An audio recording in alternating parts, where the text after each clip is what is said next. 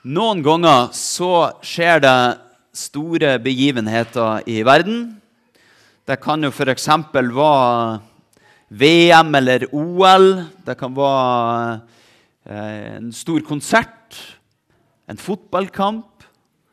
Og jeg vet at eh, Mange mennesker de, eh, som er opptatt av sånt, de, de kan reise ganske langt for å få med seg sånne begivenheter. Da må de kanskje planlegge litt. De må kjøpe billetter og planlegge reisen. Og, og, så må de komme seg av gårde. Og nå skal vi få høre om noen som gjorde nettopp det. De reiste langt pga. en stor begivenhet. Men de hadde ikke lest om denne begivenheten i avisen. De hadde ikke sett noe reklame for den. Derimot så hadde de sett på himmelen.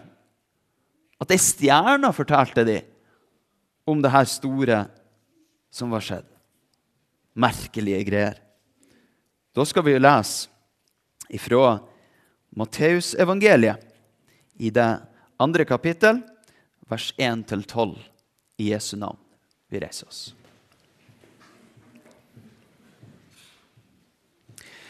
Da Jesus var født i Betlehem i Judea, på den tiden Herodes var konge, kom noen vismenn fra Østen til Jerusalem og spurte. Hvor er jødenes konge, som nå er født? Vi har sett stjernen hans gå opp, og vi er kommet for å hylle ham. Da kong Herodes hørte det, ble han svært urolig, og hele Jerusalem med ham. Han kalte sammen alle overprestene og folkets skriftlærde og spurte dem ut om hvor Messias skulle bli født. I Betlehem i Judea, svarte de. For slik står det skrevet hos profeten. Du, Betlehem i Judaland, er slett ikke den ringeste av fyrstene i Juda. For fra deg skal det komme en fyrste som skal være hyrde for mitt folk Israel. Da kalte Herodes vismennene til seg i all stillhet og spurte dem nøye ut om tiden da stjernen hadde vist seg. Så sendte han dem til Betlehem og sa, Dra av sted og forhør dere nøye om barnet. Og når dere har funnet det, så meld fra til meg, for at også jeg kan komme og hylle det. Da de hadde hørt kongens ord, dro de av sted. Og se, stjernen som de hadde sett gå opp, gikk foran dem inntil den ble stående over stedet der barnet var. Da de så stjernen, ble de fylt av jublende glede.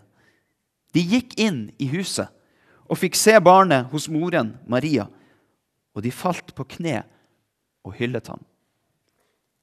Så åpnet de skrinene sine og bar fram gaver til barnet. Gull, røkelse og myrra.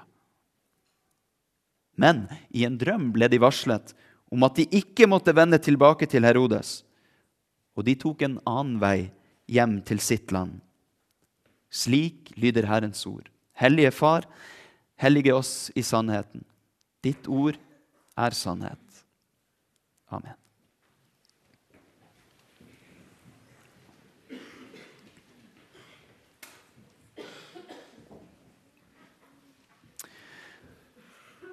Det er altså noen eh, langveisfarende julegjester det handler om i dag.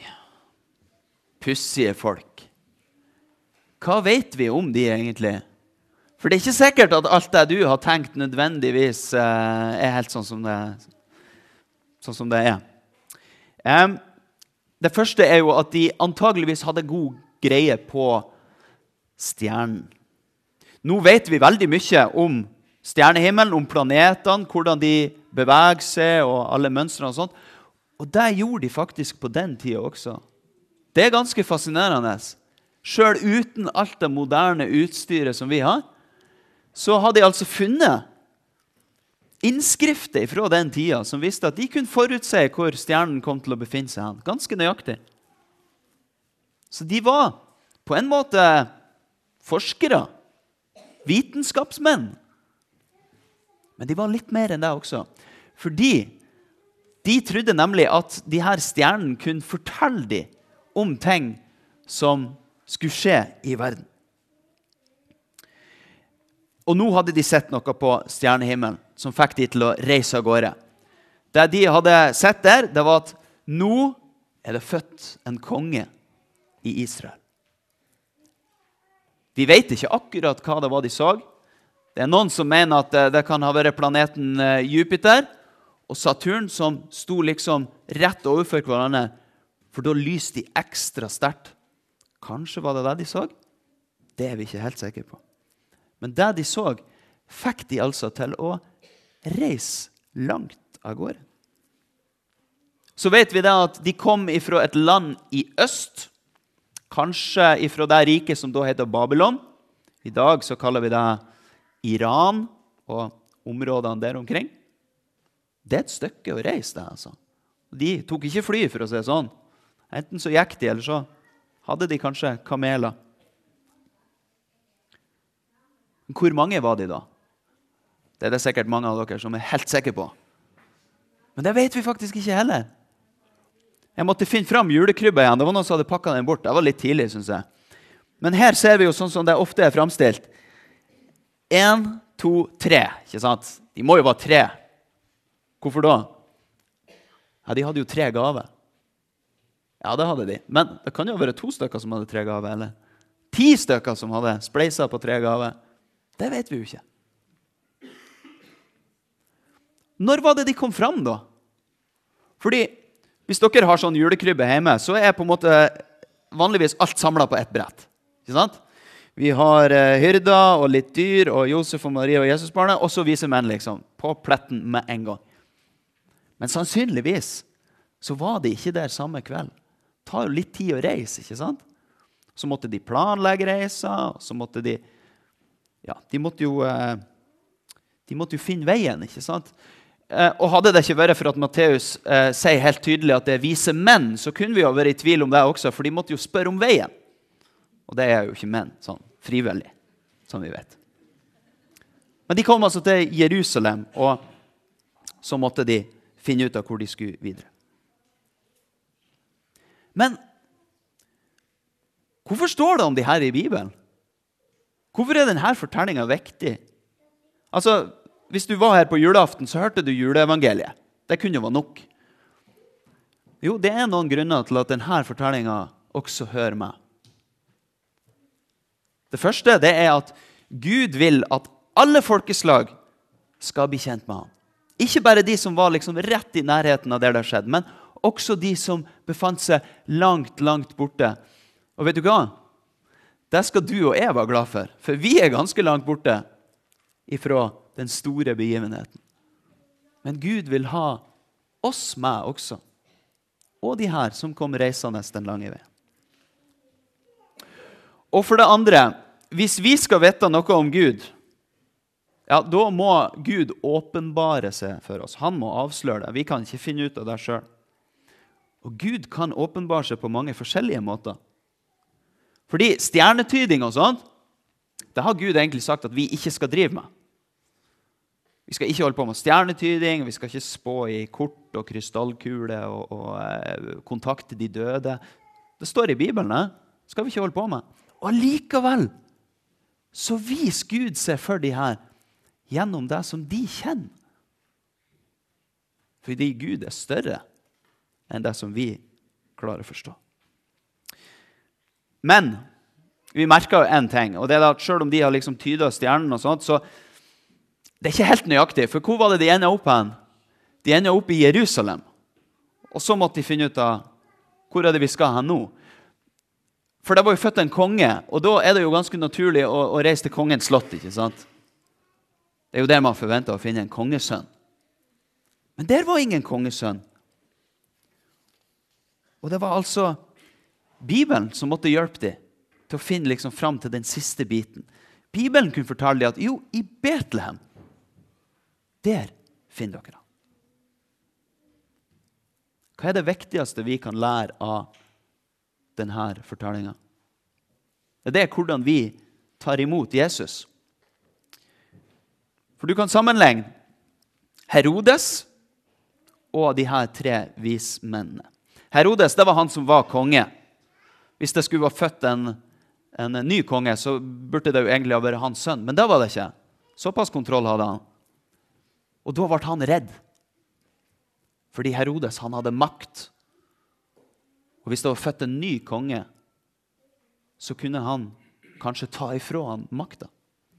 Og Herodes han eh, står det om i historiebøkene også, så vi kjenner han litt. Grann. Eh, vi kan lese om han.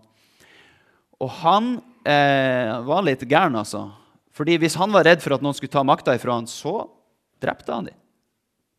Han tok faktisk livet av noen av sine egne barn fordi han var redd for at de skulle ta makta ifra han.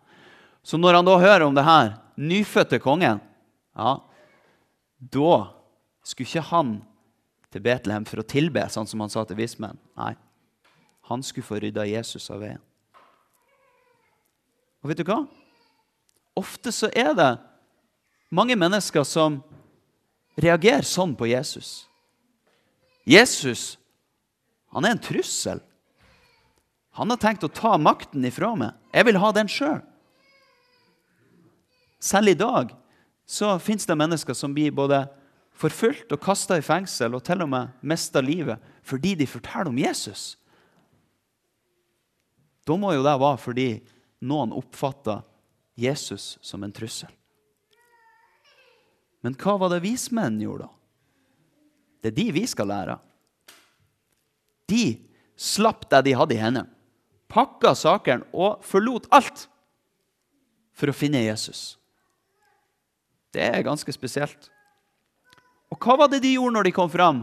Fikk du med deg det? Det står at de bøyde kne. Og Det gjør man jo gjerne når man hyller en konge. Men ofte i Bibelen når vi leser om noen som bøyer kne, så er det mennesker som tilber Gud. De bøyde kne, og de tilba Jesus. Kanskje de skjønte mer av hvem han var, enn vi tror. Det er måten å ta imot Jesus på. Og si til Jesus du skal ha all makt. Fordi det er det beste for oss. Han er ikke en trussel. Han er en frelser som kan redde oss. Nå har vi hørt om stjerner, men den viktigste veiviseren, den har vi her. Det er der Gud har åpenbart seg for oss. Han var den som sendte sin sønn. Og nå har vi tatt fatt på et nytt år, og så skal vi få følge Jesus gjennom bibelfortellingen og bli bedre kjent med han og det han sa, og det han gjorde. Den stjerna som de vismennene så, den lyste for vismennene på merkverdig vis og viste de vei. Men vet du hva? Jesus, han er verdens lys. Og han vil vise oss veien til Gud. Ære være Faderen og Sønnen og Den hellige ånd, som var, er og være skal, en sann Gud fra evighet og til evighet. Amen.